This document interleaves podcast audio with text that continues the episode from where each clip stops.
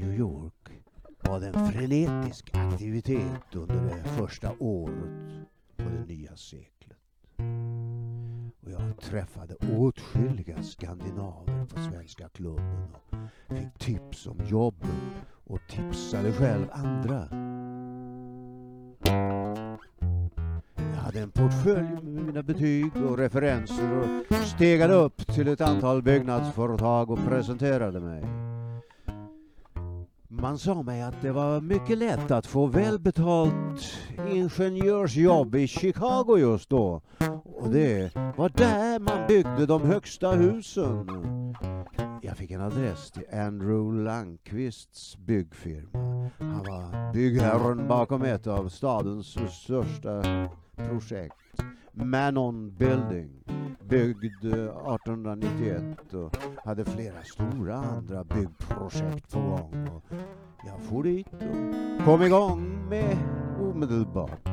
Men av en tillfällighet skickades jag nästan omgående till Denver för att hjälpa till med en konstruktion i en gruvanläggning.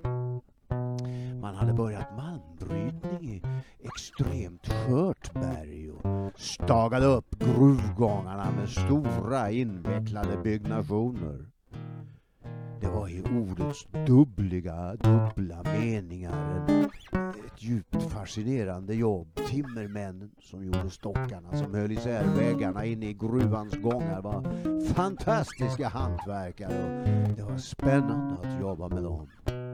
Men jag var ändå glad när det var färdigt och fick komma upp i dagsljuset igen. Många av mina svenska kollegor stannade och trivdes gott i det vilda skogslandskapet och det friska klimatet med en förvånansvärt lång sommar.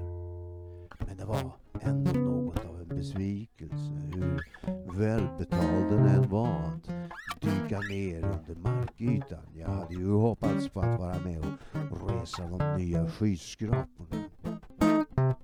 Jag for tillbaka till New York och vandrade längs sandstränderna från Long Beach till Rockaway Point. När det var ebb. Jag gick på kajerna längs East River när det var flod. Jag friskade upp mig i den salta vinden från havet och fläktade av mig dammet från gruvschakten. Jag ville ha full aktivitet omkring mig. Det var en kraftfull stämning bland gruvarbetarna som jag inte alls tyckte illa om. Men jag längtade hela tiden uppåt till positioner med utsikt. Den öppna horisonten, de fria vidderna i skärgårdar och flodmynningar. Jag besökte olika ingenjörskontor i New York vars ekonomiska potentialer trots allt var större än de i Chicago. Även om man låg efter vad gällde skyskrapebyggande. Och jag gjorde ströjobb här och där. Ska man komma någon vart här i världen får man ligga i. Make the world safe for democracy.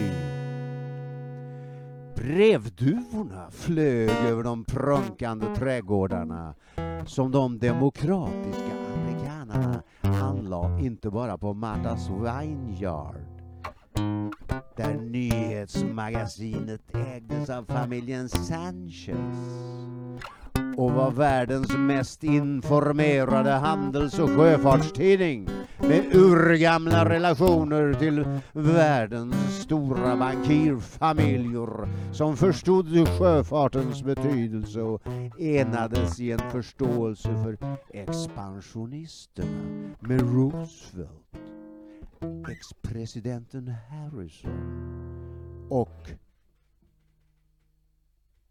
Captain Mayhem som propagerade för att skapa ett amerikanskt imperium. Något sådana som Grover Cleveland, Andrew Carnage och Mark Twain argumenterade emot med hela sin bildade humanism. De flög över Lindbergs New Jersey. De flög över ett gammalt fort vid Delawares nedre lopp som byggdes av en skara kalmariter som tagit sitt öde i sina egna händer Och 1638 seglat över Atlanten med Kalmar nyckel för att etablera vad de kallade nya Sverige i Delaware Valley. En av de första permanenta europeiska bosättningarna i Nordamerika. Men Älvsborg, som fortet naturligtvis kallades, föll snart i holländarnas händer och var något av en ruin redan när engelsmännen tog över. Nya Sverige blev en kortvarig amerikansk statsbildning. Jag såg fästningen som en målning av Solomon van Ruisdael i dessa trakter vid denna tid när anfall var bästa försvar och fienderna aldrig blev smålänningarnas vänner. Fästningen var ett kraftprov utan nytta. En av de mest påtagliga och pålitliga brevduvorna som ibland flög över ruinerna var allmänt känd och hette Arnaud. Den hittade alltid hem. Med precision sände prospektorer och timmerhandlare informationer med sina duvor från långt ut i vildmarken till sina aktieägares representanter i företagsledningen. En liten lapp fastsatt på duvans ben kunde fortfarande betyda ruin eller succé på Wall Street. De verkliga kännarna av duvor kunde berika sig på uppfödning av snabba och säkra fåglar. Arnaud var av gammal fransk härkomst och utgick från en art som sedan medeltiden hade varit hovduvor och strängt var passade på som en väl förborgad merovingsk statshemlighet. Frihetskriget släppte hemligheter och fåglar fria. Arnaud var den främste av Amerikas brevduvor och vann de stora tävlingarna som tilldrog sig en hel del intresse vid sekelskiftet. Hemma i Sverige hade vi redan börjat skicka signaler i telefontrådar. Efter att ha skickat signalerna under flera årtionden i telegrafledningar istället för med duvor. Jag fann en del märkliga atavismer kvar här och där. Samtidigt som en del var gammalmodiga var andra desto mer framtidsinriktade och använde kortvågssignaler som nådde jorden runt. Sju varv på en sekund. Du får all ära. Men radiovågor och elektroner var snabbare och med dem ITT.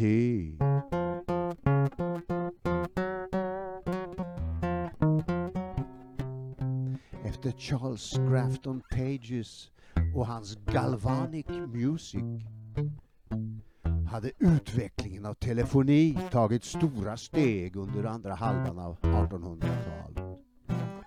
Det första long distance call gjordes den 10 augusti 1876 när Alexander Graham Bell ringde sin assistent från Brantford, Ontario till Paris, Ontario som låg 16 kilometer bort.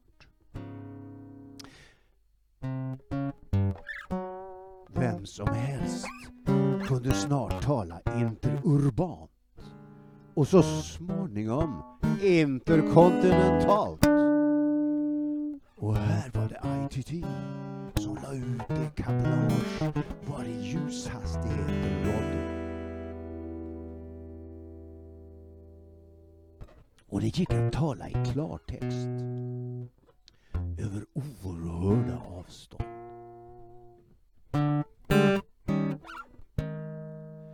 Det var bara det att vissa militärer och finansiärer av förra generationen föredrog duvor och ansåg att det var mer stil och diskretion över sådan kommunikation.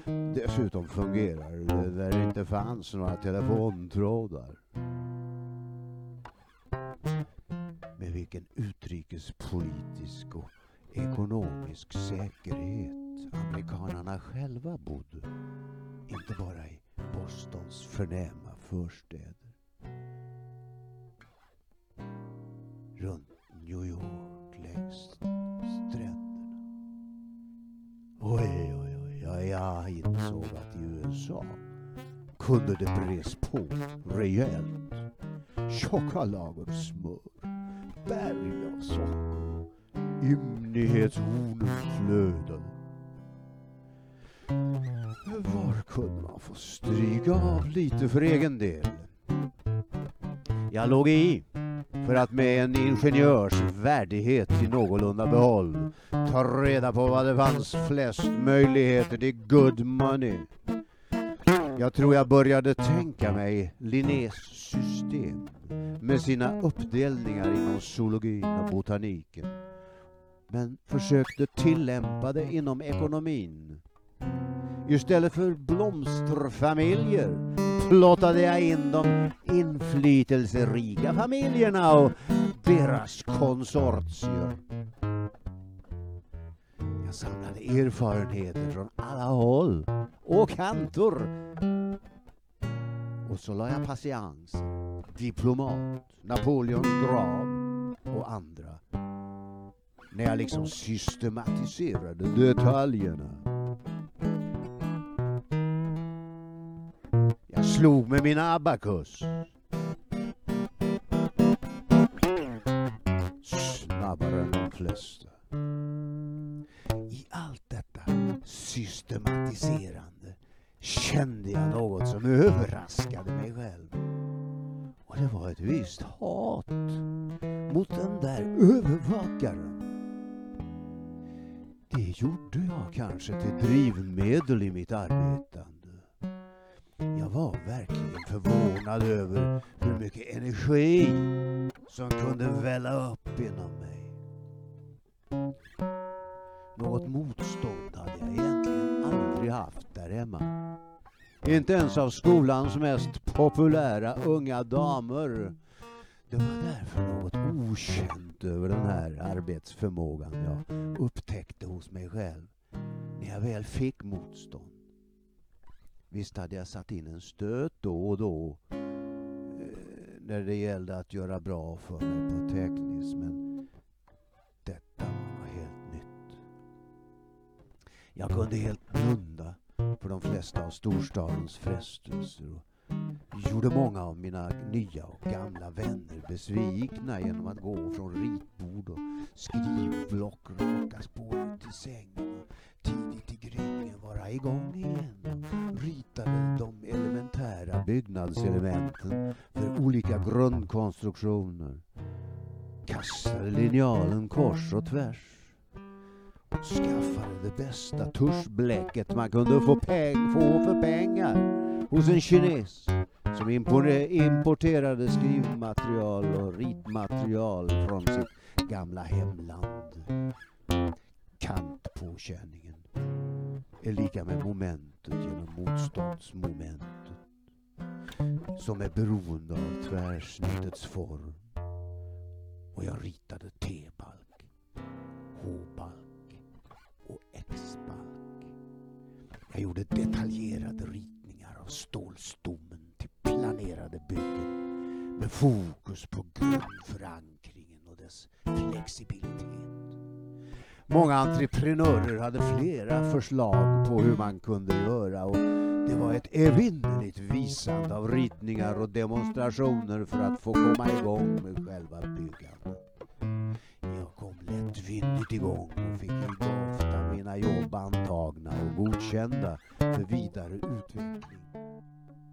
Snart la de amerikanska byggherrarna också märke till mig, som antagligen i deras ögon såg förtroendegivande ut.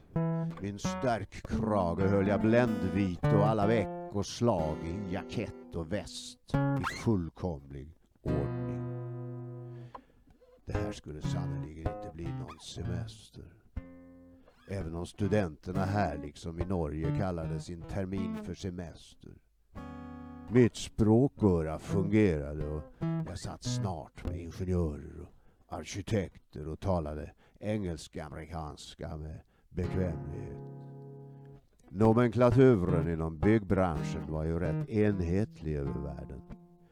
Man fäste mer avseende vid innehållet i vad man kommunicerade och brydde sig inte så mycket om uttal och språkmelodi. Vi kunde tala om slutstenen i det gotiska valvet och dess byggnadstekniska hermenetik och hur det gällde att fördela tryckkraften också i stålkonstruktioner.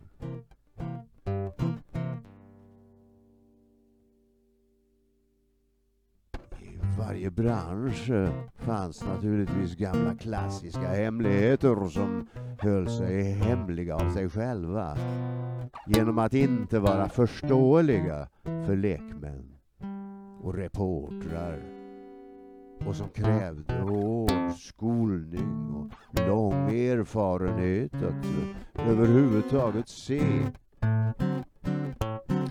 Det var inte vem som helst som kunde konstruera katedraler och akvedukter. Språket rörde sig kring en kärna av matematiska och fysikaliska begrepp och blev därför av nödvändighet internationellt och det var ingen som lät sig störas av eventuella brytningar. Något man däremot lät sig göra bland de fina damerna på avenyerna där kaféerna var större än i Kalmar. Luften surrade av alla möjliga tungomål och det var som om hela världens blickar var riktade mot New York och dessa självsäkra damer. Skapade ett amerikanskt språk i vida gester på soliga balkonger och i illuminerade balsalar. Där berättade klangen i språkmelodin mycket och där var små förändringar och nybildningar bort från engelskan som vittnade om tillhörighet Det demokratiska idealet och den rätta och riktiga klangen av Nordamerika hördes hos de damer som var de Förenta Staternas ledstjärnor. De första månaderna var jag nog lika imponerad som de flesta nykomlingar. Men så småningom tyckte jag inte att det var någon större skillnad mot hemma, även om människomassorna var större än man någonsin kunde göra sig en föreställning om. Vilket obeskrivligt myller av ansikten. Av alla tänkbara och otänkbara former, fasoner. Här hade frenologerna att göra. Diamanthandlarna hade sin nedåtriktade båge på näsan ragtime-pianisterna sin totala avsaknad av båge. Där fanns uppnästa irländare som var som fyr och flamma. Där de drog fram. Där kom sävliga ryska ädlingar med näsor som svärd in bland rusiga sicilianare med sina liar. Och de talade om den oförsonliga och gammalmodiga diktaturen i sitt respektive hemland och möttes i äkta demokrati i sitt nya. Vi lever i frihet vi lever i en demokrati. Ser omkring. Inte ser det ut som ett misslyckande inte. Vad har de där besatta nationalisterna på andra sidan havet? internationalisterna om jag får be att komma med annat än ännu mer destruktion. Var förvisso något andra ord just vid sekelskiftet men demokratin talade de alla om så länge jag var i New York. Och det var i över 30 år. Till och från. Presidenten skulle aldrig kunna sitta på livstid. Tyranniet skulle därmed aldrig kunna få fäste. Men maffian accepterades på något sätt som ett offer för demokratin. Polisen hade begränsat sina befogenheter i frihetens namn.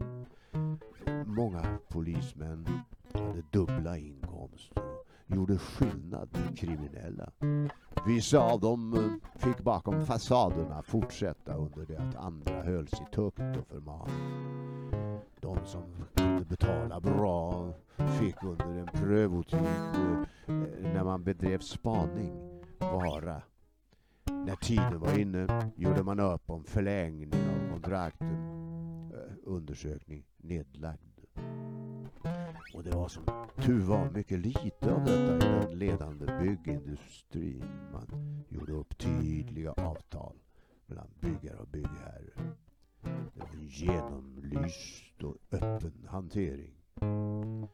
Noggrant eh, kartlagd och planlagd i napoleansk ordning och anda.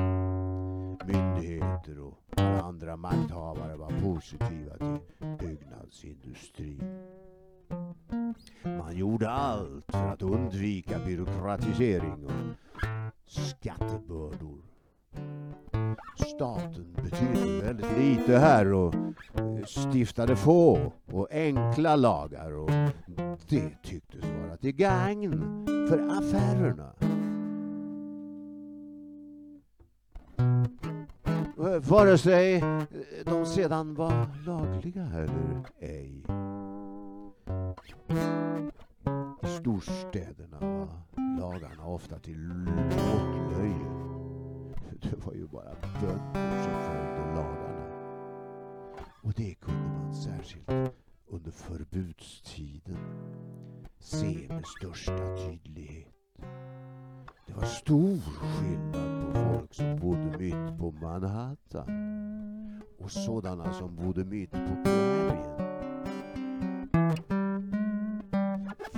Med segelbåtar och jåtor var av en helt annan värld än de som använde här på dyngspridare.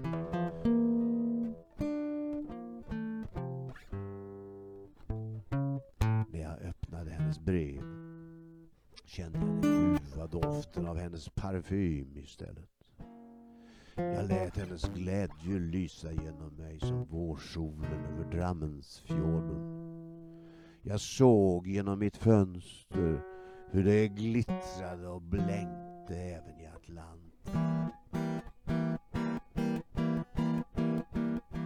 Ibland stormade det och orkanblåste det och gick alldeles blygrått in mot det amerikanska växandet. Jag ansträngde mig för att göra allt mer förenklade ritningar av höghusens bärande element.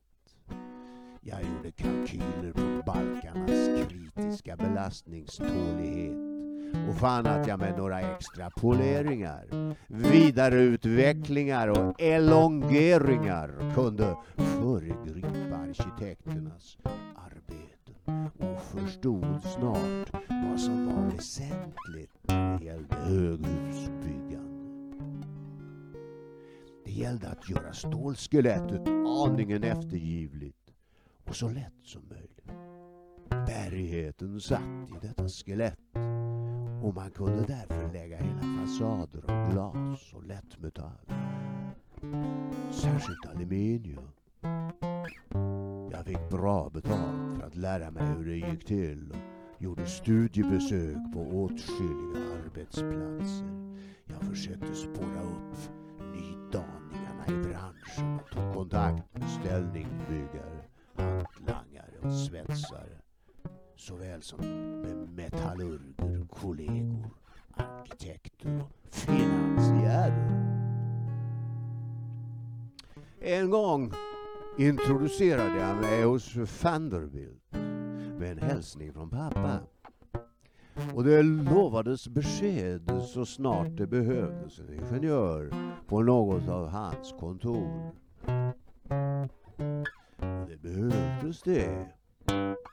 En annan gång gick jag ut efter att ha dragit ett djupt blås på cigaretten med två indianer på en balk som hängde 45 meter över gatan och synade en bultning. De ropade ängsligt att jag fick inte vara med där. Mina lackskor kanske såg halkiga ut så jag klättrade ner igen. Några bultar satt fel och jag lyckades få chefsingenjören att flytta på dem några centimeter. Där de satt fanns det brottanvisningar och det kunde ha blivit bristningar.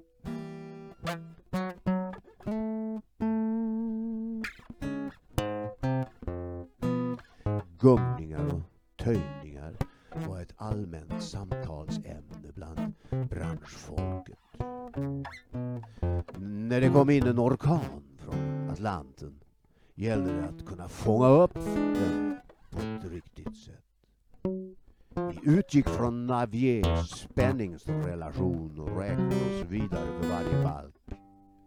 Var ett ganska knivigt matematiskt fysikaliskt beräkningsarbete och krävde all den nya energi jag var mäktig att uppdriva.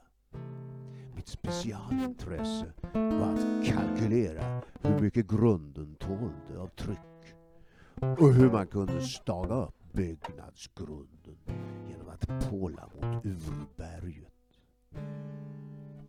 Jag gick efter sådana digra räknepass genom Central Park. Rätt ofta med en avslappnad och behaglig känsla av fullbordan. En sorts skön trötthet. Och lätt fascineras av hur människorna i trygghet kunde komma att sväva i luften högt ovanför träkronorna. Och och verka där. Kring Columbus-monumentet nere i parken kretsade finansens lejon. Allehanda pekuniära aspekter framlades bland de många tätt sammansnörda sällskapen längs avenyerna. Om hur att göra sig en förmögen knöt i det begynnande 1900-talets febriga ekonomi. Några urgamla stötar satt och bevakade sitt. Och det splitternya pockade på längs Fifth Avenue där de främsta bankirernas döttrar flanerade och satt på kaféerna precis som i Kalmar. Man gick på operan och man letade antikviteter. Eh, varor från världens alla hörn landades i handelshusen häromkring. för att i grunden lära mig språket och för att försöka förstå det amerikanska kynnet läste jag varje ledig stund de amerikanska klassikerna satte mig in i inbördeskrigets A och O och spanade in i den amerikanska drömmens historiska villkor. Tänk att starta ett befrielsekrig bara för att teet tullbelades av rödrockarna. Där kan man tala om frihetslängtan. Kolonialisterna hade fått nog av sina fäder och herrar. Där gick gränsen. En rödrockstull var ett slag i ansiktet på dem som tagit västerut för att komma undan allt vad statens tull heter. Det, skulle, det kunde kosta en förmögenhet att komma ut genom Öresund när danskarna bestämde på bägge sidor. Under goda svenska tider var det alltid gratis och handeln blomstrade genast upp.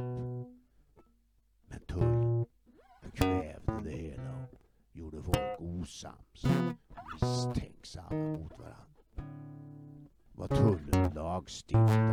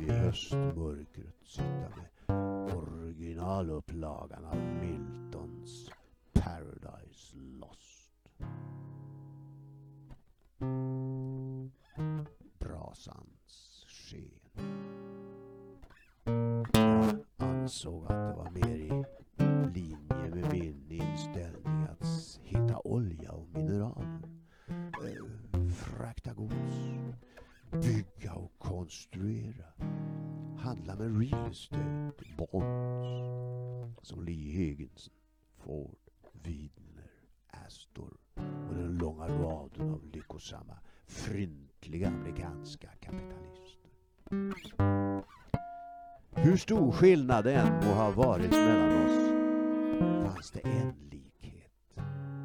Jag jobbade. De andra jobbade. Och hårt jobbade vi. Det var hårdjobb både natt och dag.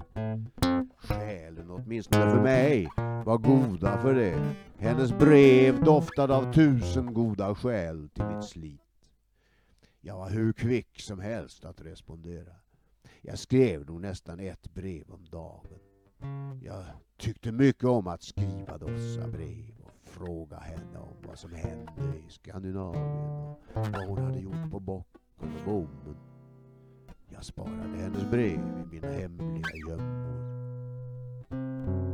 Hon skrev att hon kom att tänka på Hardingarna när hon tänkte på mig som i sina jater seglade upp till Lofoten och köpte fisk och sen tillbaka söderut längs hela norska kusten. Varvid de modigaste gick utomskärs för att vinna tid. Österut sedan över Nordsjön in genom Öresund och slutligen sålde fisken i de sydbaltiska hamnarna. De som kom först fick bäst betalt. Oldefar och hans far, tippoldefar, var meget flinke seilere.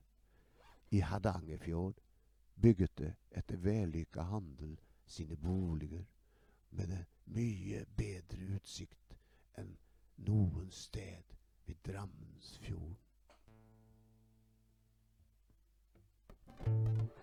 Ja, att gå på bommen är väl en gammal seglarövning? Ja, kanske det. Hardingarna har god balans i dem. Då är jag en sådan gymnastisk harding, skrev jag. Och jag seglar inte för någon annan än dig. Vilken otur förresten att du kom till Drammen och familjen lärde känna den där övervakaren. Det hade bättre om du hade blivit kvar i Nordheimsund. Ja, då hade vi nog aldrig kommit till att mötas. Jag hade blivit på Västland och begynt att jobba som sekretär för någon av rederna i Bergen. En skorrande hanseitisk ättling, aha. Ja, då är det väl det bästa som sker. Jag ska försöka sälja fisken här i New York till ett pris som är bra nog för honom. Sen kommer jag hem.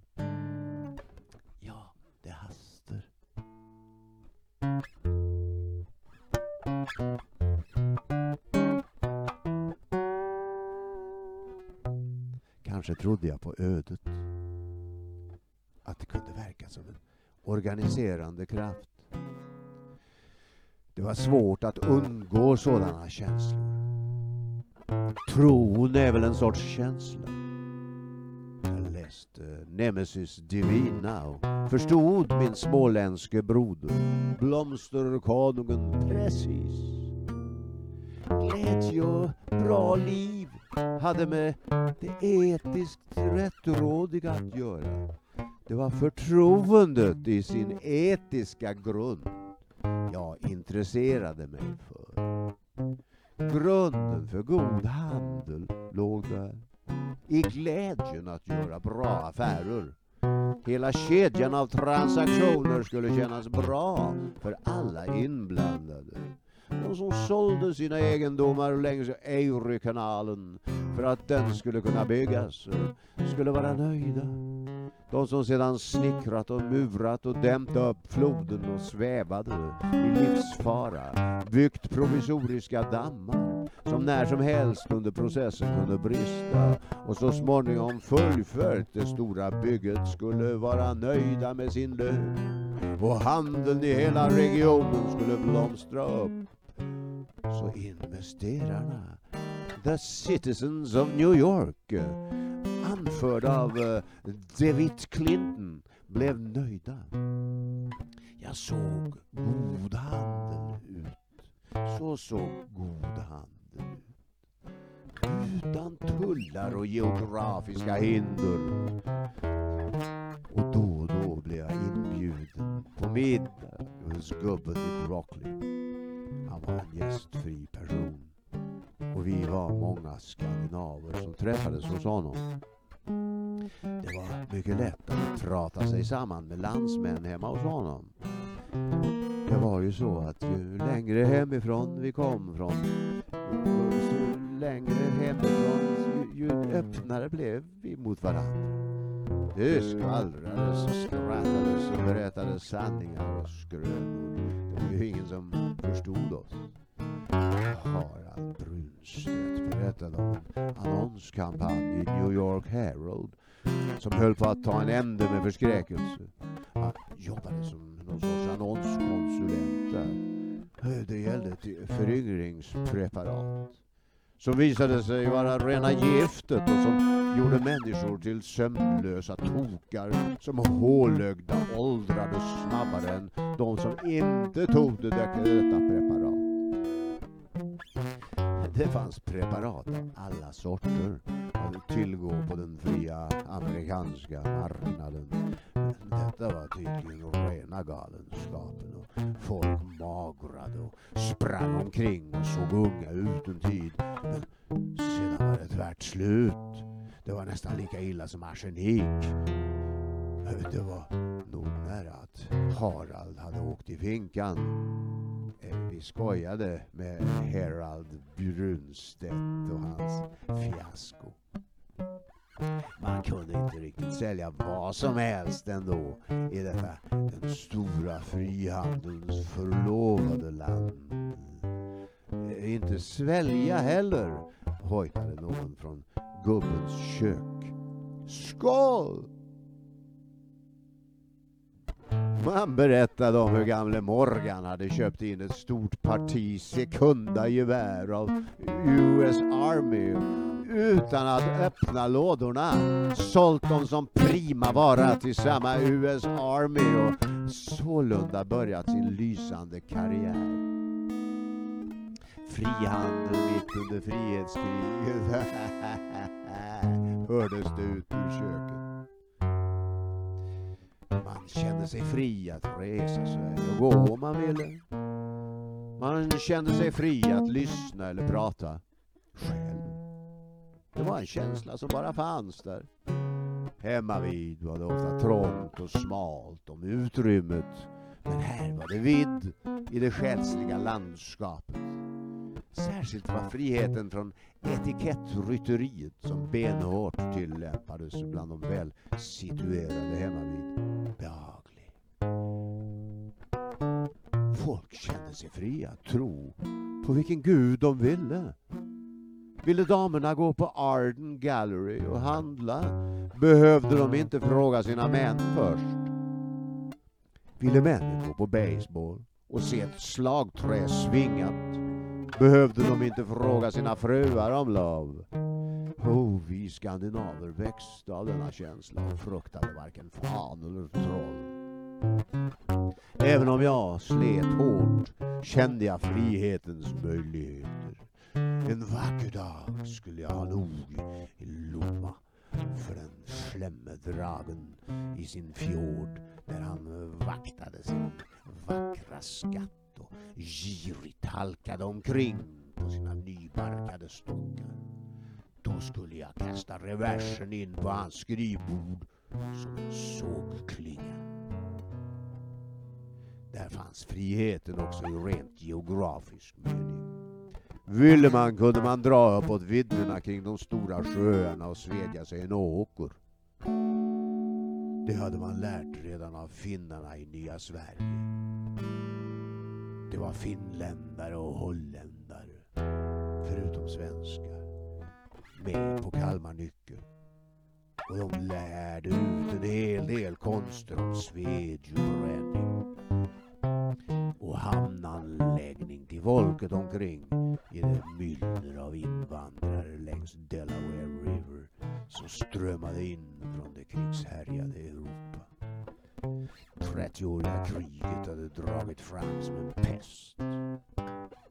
Och Axel Oxenstierna som representant för segrarmakten, Sveriges överhuvud vid den tiden, var införstådd med att många människor i norra Europa inte längre hade så mycket att leva för då deras gårdar var uppbrända, städerna lagda i ruiner och boskapen slaktad.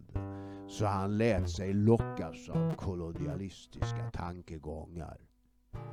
Nya Sverigekompaniet hade hans mycket försiktiga stöd och kunde förvärva krigsfartygen Fågelgrip och Kalmarnyckel som fick speciella stormaktsprivilegier. Kaparbrev, sjörövarrätten att ta byte till havs.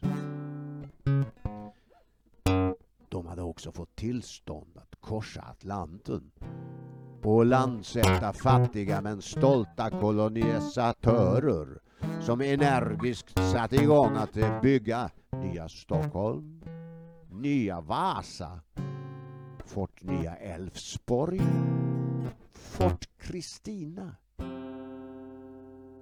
Den som ville kunde då som nu skaffa sig byggnadsmaterial till ett fort eller en ranch en spottstyver. Och passagerarna på Kalmarnyckel var skickliga timmermän med stor lust att skapa och bygga på ett nytt sätt. Efter att de har fått förstört allt där hemma i Europa. För egen del roade jag mig med att skissa på ritningar till de moderna slottsliknande rancherna som alltid låg inne på sydsluttningar i flödande solsken. I Chicago råkade jag träffa en holländare som höll på att öppna en restaurang och han ville ha mig med i sitt projekt efter det att jag hade hjälpt honom att rita en ny exteriör, foyer ville ha med mig i sitt projekt.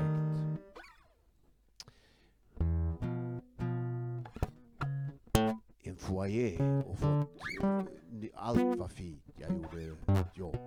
Bort tog jag en hel del fula konfigurationer i inredningen. Jag tvekade och sa att jag för tillfället måste hålla mig till mitt ingenjörsjobb. Jag, vi, vi hörs.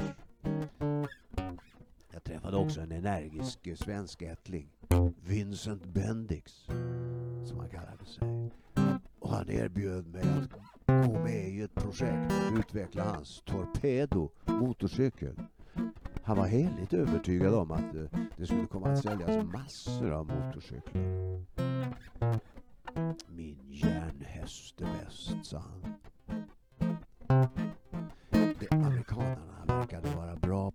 Säga sig vara bäst. De, de, de är bäst på det faktiskt. Vi nordbor hade annars en mycket lång väg fram till vårt eh, självframhävande. Alvar K Ternstedt. Han konstruerade framgångsrikt fönsterhissar och skulpterade kylarmaskots.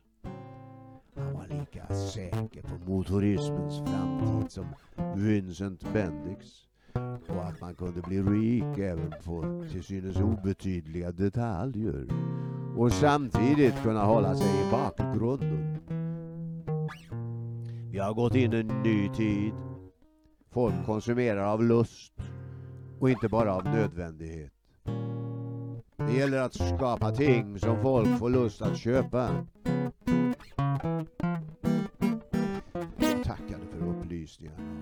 Vänligheten att vilja ha mig med. Jag ursäktade mig med att det var byggbranschen som var mitt gebit. Men det stod klart för mig hur stora möjligheter det fanns att göra snabba pengar i olika expansiva branscher. Jag lovade dem alla att tänka på saken. En dag fick jag en förfrågan av en byggmästare om jag ville ta ett jobb i Veracruz i President Porfirio Diaz hade beslutat att den en gång så betydelsefulla hamnen skulle rekonstrueras med hjälp av utländska kontraktorer. Broar, pirer, vågbrytare skulle byggas och man ville göra slutritningarna och beräkningarna på plats och få saker och ting bedömda när det gäller fundamenteringarna innan man satte igång. Ja, ja, visst, jag ville ha det jobbet. Det var bra betalt. Vi var ett sällskap byggnadsingenjörer som tog tåget och for söderut. Jag hade några dagar i New Orleans innan vi skulle segla vidare. Staden grundlades samma år som den svenska stormaktstiden fick sig ett skott för tinningen och det blåste isigt över Haldens fästningsverk. Kanske låg det något i det. Nu var New Orleans en stad av marschmusik. Ständig karneval på dagen. Och natten göd en otrolig musik i danshallar och barrelhouses. Särskilt i kvarteret Storyville. Storyville. Där tutade och brölade det av trumpeter,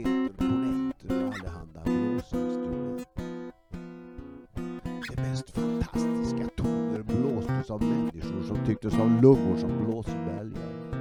Vackra toner och sorgsna toner, men mest glada toner. Här och där hamrades trummor och det var betydligt hetare musik än jag var van vid hemifrån. Det var en upplevelse att lyssna till Buddy King Baldens band och omsvärmas av damerna från de oräkneliga glittrande barerna caféerna. kaféerna. Bourbon Street låg långt från Kalmar. Det var en sak som var säker. Här väcktes mitt musikintresse som där hemma hade varit på absoluta nollpunkten. De svarta musikerna improviserade och spelade ragtime som man tappade hakan.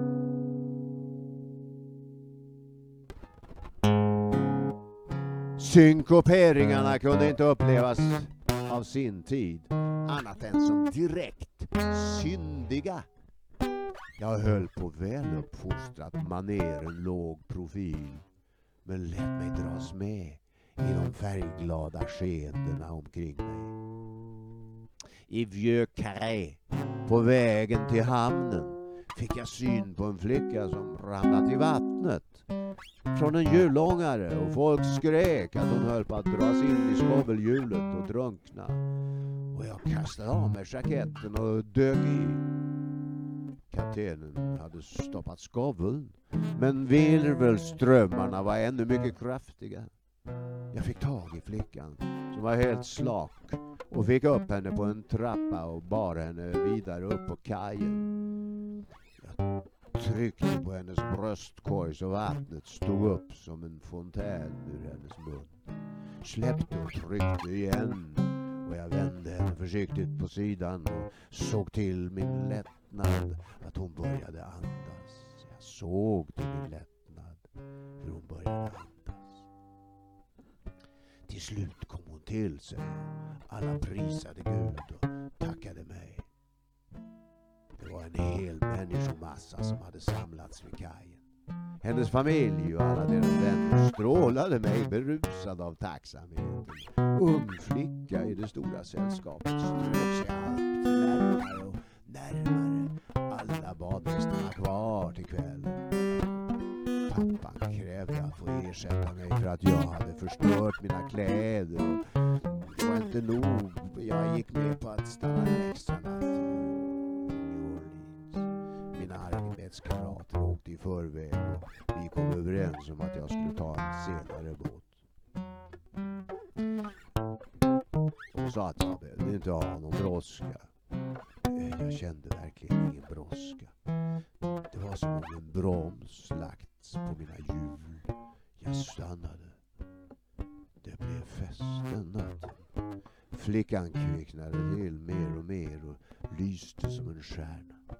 Jag dansade med hennes nannies. Vi dansade tätt samman till långt fram på småtimmarna. En kvinna av helt obestämbar härkomst. Både ljus och mörk hade kommit mig alldeles in på kinder och öron och ville att jag skulle stanna hos henne för alltid och den unga flickan vars lilla liv jag räddat ville detsamma. Oh, och sa att jag tyvärr redan var förlovad och att jag efter mitt jobb nere i Veracruz skulle åka hem till fjärran Norden igen. Hem till snö och is och att det inte var mycket att göra åt den saken. Det var verkligen med en sorts förfrysning i ljumskarna jag sa så. Och jag begrep inte hur jag kunde hålla mig på avstånd. I hamnen, innan jag skulle fara vidare, kom borgmästaren i staden överraskande fram till mig och gav mig en medalj. Only a hero will give his life for others, står det på den. Och jag bar den med en viss stolthet när jag steg ombord. Även om jag ingalunda hade gett mitt liv. Utan tvärtom kände mig ovanligt levande. Jag helt enkelt brunstig som ett djur. Jag hoppades att de inte såg det på mig. Jag drog på mig mitt välkammade ingenjörsyttre och försökte se någorlunda smal ut när jag steg ombord. Folk hade samlats på kajen och hinkade och hurrade.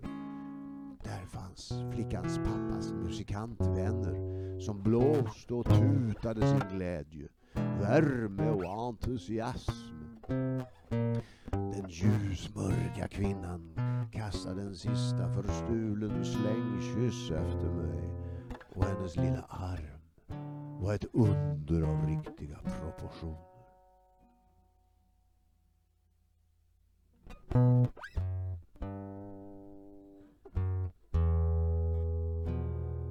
Ångaren stävade ut ur Mississippis flodutlopp. Länge hörde jag musiken som sedan skulle följa mig genom livet. En musik av improvisation och fri fantasi som gick djupt i min nordiska kärl och fick den att tina samman med fläktarna från det smaragdgröna karibiska havet där delfinerna kastade sig och lekte kring skeppets förstäv. Det såg lekande lätt ut när vi mötte ett skepp såg jag delfinerna framför det också. Det var ungefär lika många som framför vårt. Plötsligt var alla borta. Först efter flera minuter dök de upp. Då hade de bägge stimmen slagit sig samman och bestämt sig för att följa oss söderut.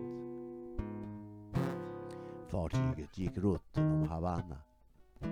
Ett smärre motorhaveri gjorde att vi tvingades ligga i hamn i flera dygn. Amerikanerna, krigshetsade av Hearst, hade med övervåld just jagat ut det spanska jesuitväldet och de unga kubanskorna dansade natten lång. Här hade inte längre de katolska prästerna från Madrid någon makt och ogudaktigheten gick i tangotakt. Sockersöta takter för den amerikanska handelsmannen som tagit makten i kroppsliga sensationer. Jag utnyttjade tiden. Märkligt lättvindigt lärde jag mig dansa så. I långa svepningar och snurrningar. Jag bokförde inte mina minnen av dessa lektioner. Jag bara lät det sväva omkring mig av tropiska dofter, solvarma danserskor. Jag serverades en förträfflig kubansk rom blandad med söt kolasmak och kolsyrad dryck. Oh, Cuba Libre! Mitt annars så oklanderliga minne fick sig en behaglig törn och dessa kubanska aktiviteter är som en fjärran hägring. Det var med en något skadskjuten känsla av hela min tids och mitt Sveriges trohetsideal jag lämnade det sjungande, dansande folket och dess undersköna och öppna orkidéer. När vi lämnade Havanna såg jag inte längre till några delfiner. Havet låg svart och stilla.